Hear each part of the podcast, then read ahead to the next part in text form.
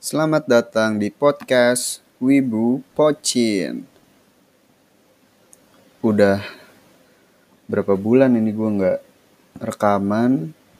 Um, oh iya, selamat Idul Fitri uh, 2019 bagi yang merayakan. Minal aidin wal faizin, mohon maaf lahir dan batin.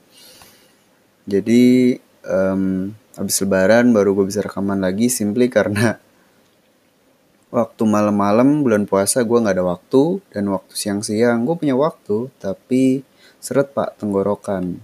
Iya jadi uh, gue nggak rekaman simply karena gue lemah gitu aja sih. Uh, karena males aus terus waktu malam uh, jarang ada waktu jadi ya udahlah libur aja. Dan sekarang gue balik lagi, kita bakal bahas chapter-chapter uh, manga yang menarik gitu kan. Terutama karena One Piece lagi seru-serunya.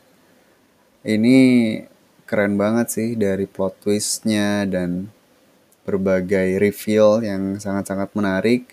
Ditambah lagi um, dari berbagai cerita, sisi cerita gitu kan.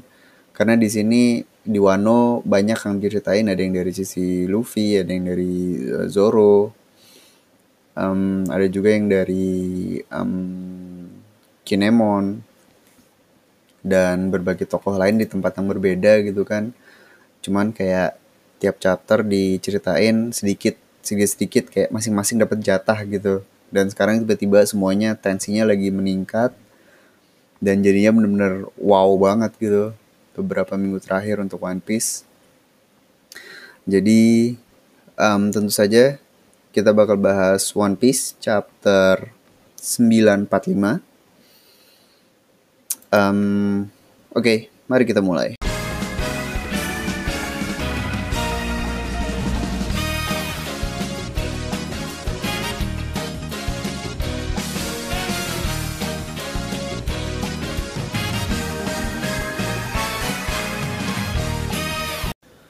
So, chapter ini berjudul Olin yang artinya kita bakal melihat Big Mom di chapter ini akhirnya gitu kan.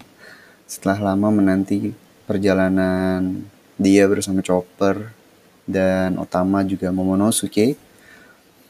So, dalam chapter ini One Piece lagi-lagi dapat uh, cover gitu kan ada Luffy yang berkostum uh, kodok dan gue nggak gue nggak ngerti sih. Gue gue nggak ngerti bahasa Jepang kan. Jadi gue nggak bisa baca nih maksudnya apa. Um, kalau asal-asalan gue adalah karena mungkin di Jepang mau memasuki musim hujan I don't know. Cuman kalau tulisan yang di bawah itu ini sih kayak um, perayaan karena film Stampede produksinya berjalan lancar makanya dapat intro dapat uh, pembuka yang berwarna lah gitu si serial One Piece ini.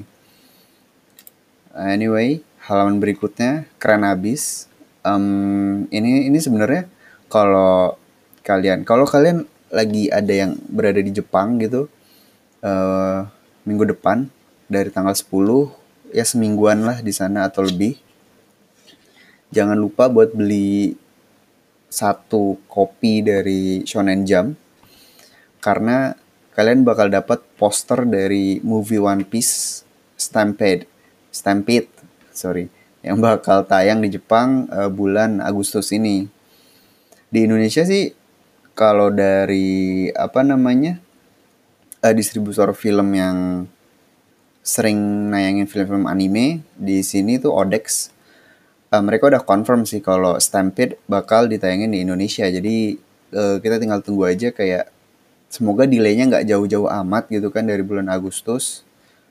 Semoga dua bulan lah, paling lama tiga bulan deh. Pokoknya jangan lama-lama banget soalnya gue ingat film apa ya dulu. Conan, apa Kimi no Nawa atau apa ya? Atau One Piece juga kalau nggak salah. Pokoknya um, pokoknya ada drama gitulah di sama CGV mereka nayangin film terus banyak yang komen oh mendingan download aja. Udah HD gratis lagi ngapain nonton bioskop dan bla bla bla bla.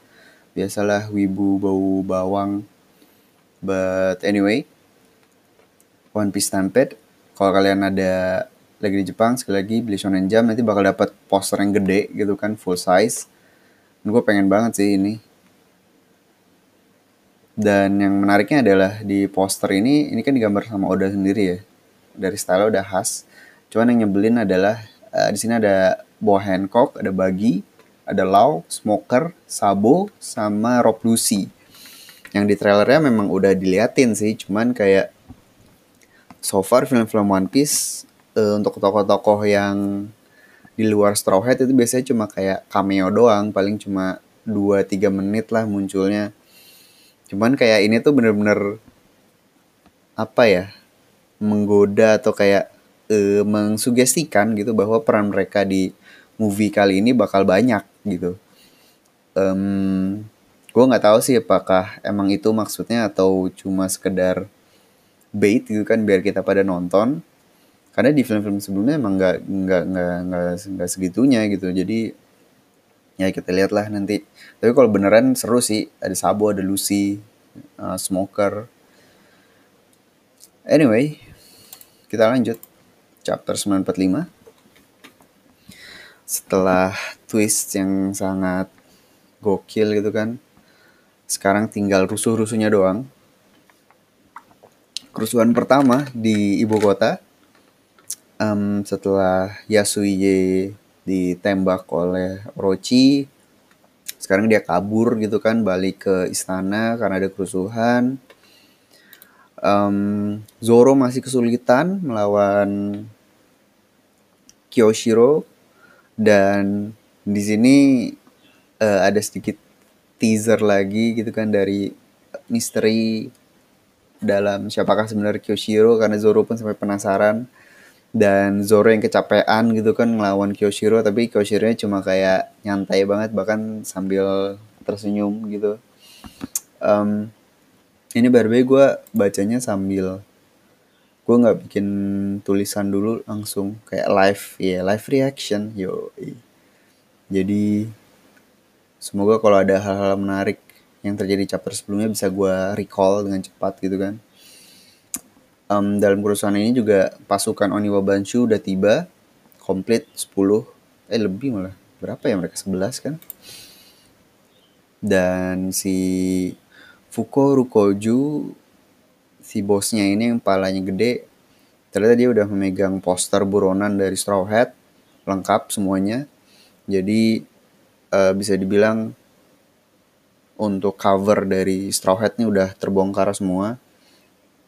Asal ada yang ketemu satu bis bakal langsung ditangkap tangkepin gitu maksud gue jadi untuk Straw Hat sendiri bakal makin sulit melakukan operasi mereka.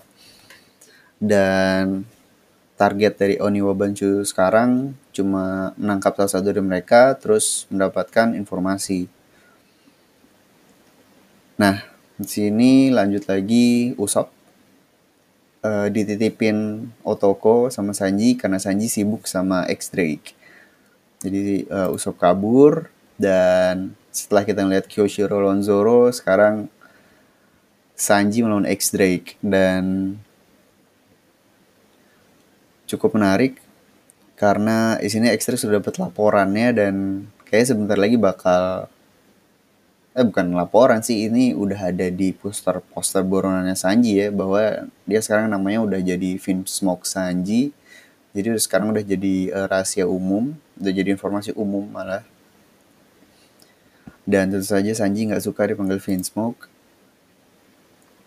Dan di tengah kerusuhan ini Brook menunjukkan jurus barunya yang gue nggak ngerti sih konsepnya gimana tapi dengan memainkan musik dia bisa memanggil soulnya dan bisa nakutin orang. Ini sekali lagi uh, The Starving Skeleton ini itu memang salah satu siluman gitu atau hantu yang terkenal di Jepang yang bentuknya mirip banget sama Brook yang sekarang ini.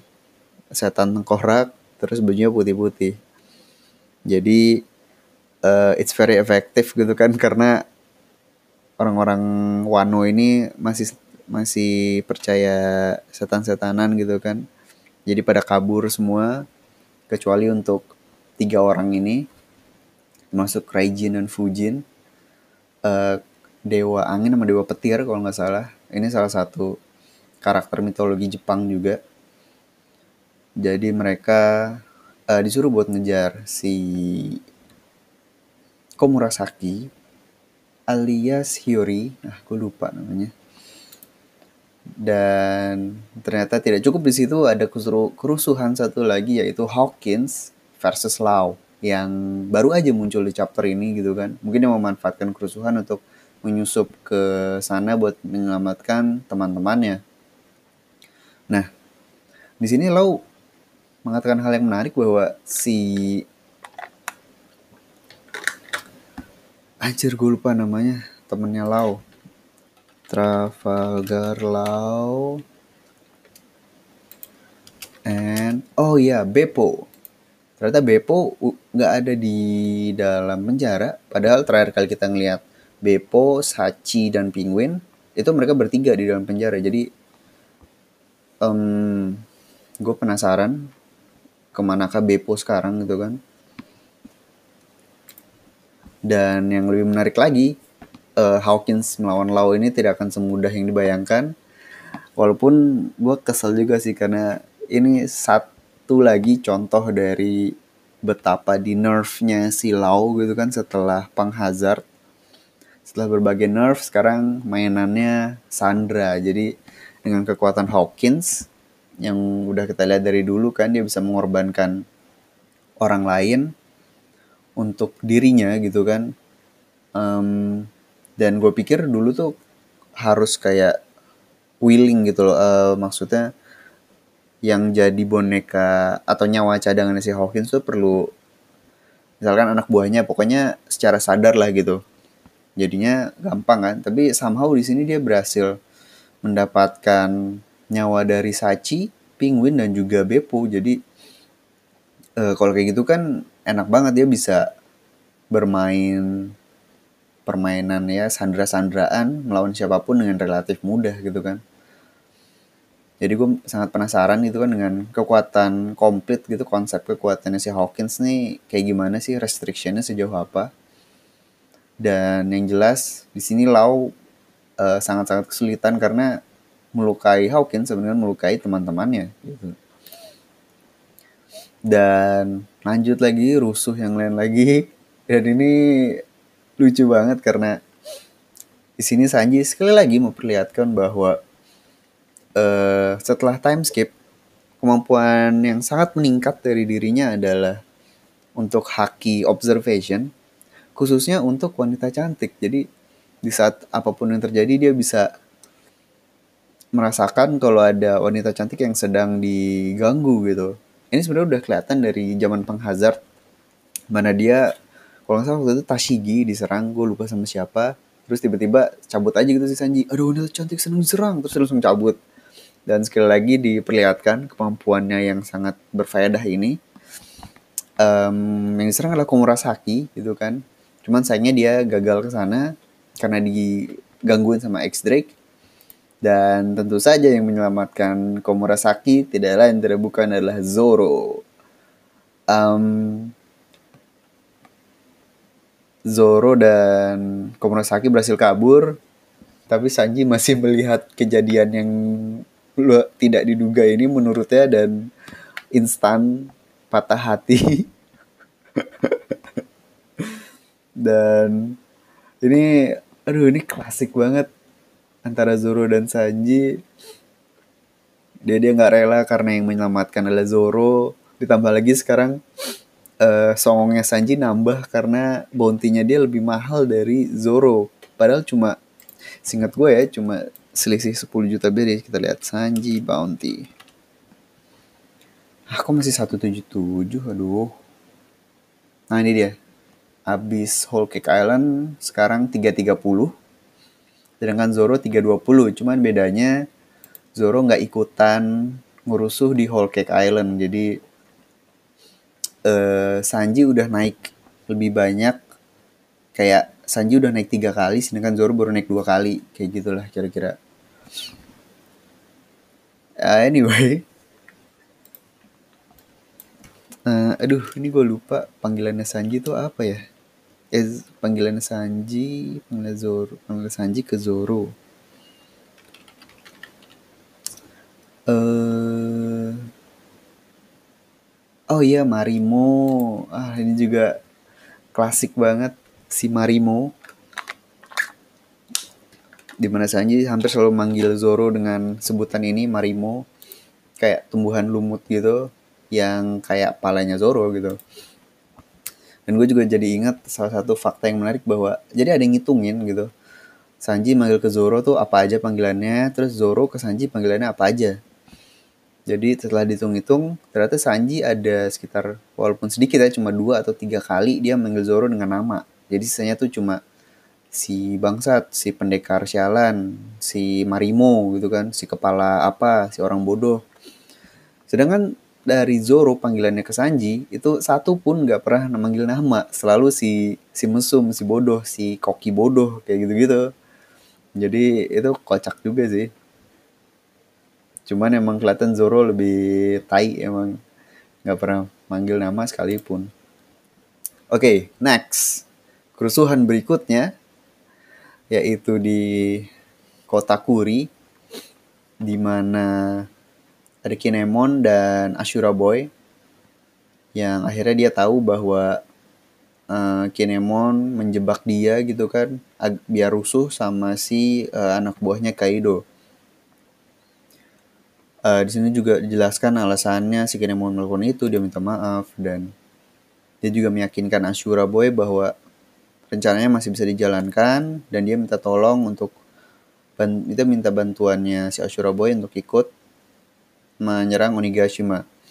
Tapi yang menarik adalah uh, Ashura Boy nggak marah atau apa pun dan dia malah mau menunjukkan sesuatu ke Kinemon yang kita belum tahu itu apa, tapi masih menarik, sangat menarik dan entahlah. By the way, kemungkinan yang bakal ditunjukin itu related sama jadi kalau kalian lihat di halaman ini eh, di belakang banget di gunung itu tuh ada kayak pintu super raksasa yang dari sejak jadi kalau nggak salah Luffy dan kawan-kawan kan kota pertama yang nyampe tuh di sini. Terus yang begitu Kaido muncul juga di sini. Pokoknya lumayan banyak lah dan kalau kalian perhatikan setiap scene di kota Kuri di Bakura Town itu tuh selalu ada backgroundnya si gunung gede ini yang ada pagar raksasa. Dan kita belum tahu ini apa sebenarnya. Jadi I don't know. Mungkin ada hubungannya dengan apa yang Ashura pengen tunjukkan atau mungkin juga enggak dan kita tidak punya waktu untuk itu juga gitu. Karena lagi-lagi kerusuhan kerusuhan ini terus terjadi. Aduh kacau ini. Sekarang kerusuhannya di penjara Udon tempat Luffy berada. Kita lihat akhir chapter lalu uh, gerbang penjaranya udah hancur gitu kan. Dan tentu saja yang menghancurkan adalah Big Mom. Dan yang paling menarik adalah kita perlu sadar gitu kan skala atas apa yang terjadi sekarang gitu. It's it's, it's massive gitu. Yang hadir di sini itu Big Mom seorang uh, Yonko seorang diri tiba-tiba datang ke salah satu markasnya Kaido gitu kan Yonkou juga. Dan seperti yang kita lihat ini reaksi orang-orang anak buahnya Kaido pada kaget terus pada nangis kabur. Si Queen juga kaget banget. Tambah Luffy lebih kaget lagi. Dan aduh ini gila banget. Uh, tentu saja Big Mom alias Olin masih dalam kondisi amnesia. Uh, dia masih berteman baik dengan Chopper Mon dan kawan-kawan. Jadi mereka berhasil masuk. Dan Chopper kaget gitu kan karena kebohongan tentang Oshiriko ternyata menjadi kenyataan. Dan tentu saja dalam misi ini Momonosuke harus tersembunyi dan di sini uh, Okiku dan Choppermon akan beraksi. Nah, Oke, ini gue sambil baca dulu ya. Nah, jadi si Queen itu saya oh Shirko itu kan makanannya dia ya. dia mau Olin juga udah kelaparan dan oh my god. Dan kita lihat ternyata Queen punya kekuatan Zoan gitu kan. Uh, eh, gue belum lihat sih cuman kayak lehernya itu berubah. Di sini Big Mom bingung. Dan ini semua cuma hasil dari kesalahpahaman karena dia dia bingung kan siapa yang bilang ada Oshiruko? Oshiruko kan makanan favorit gue dan wah gila ini fix sih Big Mom versus Queen dan um, sementara itu Kid dan Killer masih ditenggelamkan. Big Queen sendiri akhirnya berubah Oh my god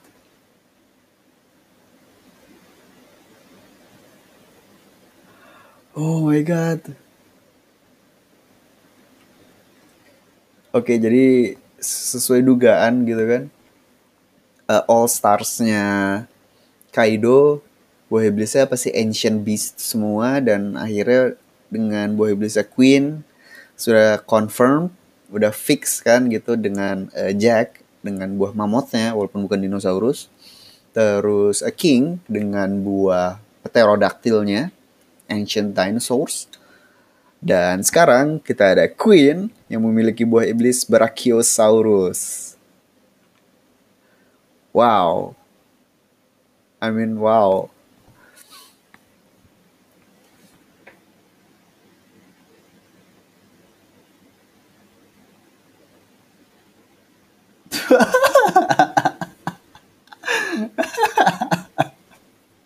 Anjir. Oke, jadi Chopper eh, karena dia mengira Olin itu adalah versi Big Mom yang baik gitu kan. Atau lebih tepatnya Olin adalah Big Mom versi waktu masih kecil gitu. Dia seakan-akan kembali ke masa kecilnya yang masih polos gitu kan. Pengen berteman dengan semua makhluk.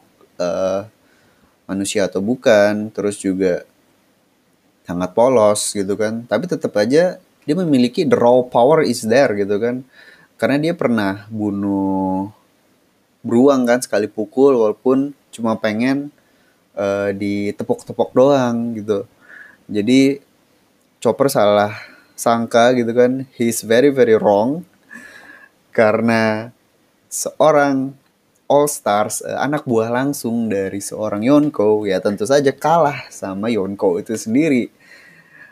What the hell? Dengan one hit uh, Big Mom membanting kepalanya Queen dan what the fuck? Wah ini rusuh banget sih pasti. So anjir. Wah gila gila gila, gila. ini berapa kerusuhan tadi? Coba lu hitung di ibu kota. Di ibu kota sendiri ada berapa fight. Terus di sini penjara. Terus di Kuri Bakura Town and the fuck? Gila gila gila. Dan di sini juga Queennya karena emang personalitinya agak-agak dablek juga gitu kan bahwa dia another quirky karakter uh, yang relatif tidak profesional itu kan setelah kita lihat dari pengenalannya sampai sekarang gitu kan dan berbagai hal-hal kocak yang dia katakan. Jadi memang uh, sangat wajar kalau yang terjadi bahwa makanannya dia mau direbut terus dia nggak rela, terus mau langsung berantem sama Big Mom bodoh amat gitu kan. Jadi dalam segi itu mungkin ini mirip sama Jack bahwa anak banyak Kaido ini emang gila semua nggak uh, peduli siapa lawannya. But that's interesting itu menunjukkan bahwa mereka emang kru yang kuat gitu. Uh, cuman dengan setelah melihat ini feeling gue sih berarti King mungkin adalah salah satunya yang reliable gitu. Dalam artian mungkin dia seperti kayak katakuri gitu. Jadi benar-benar profesional super cool level headed dan gak ada sifat-sifat yang aneh lah gitu.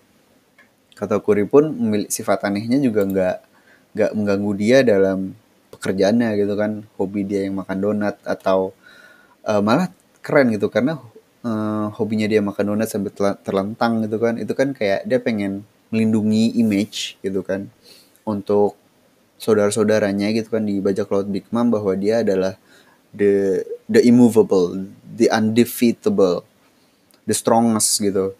Jadi dia tetap bisa menjalankan hobinya dia gitu kan, tapi di saat yang bersamaan dia bisa tetap jadi panutan dari anak-anak buah Big Mom yang lain. But anyway, fokusnya sekarang adalah Big Mom versus Queen. It's finally happen dan gue seneng banget ini kejadian.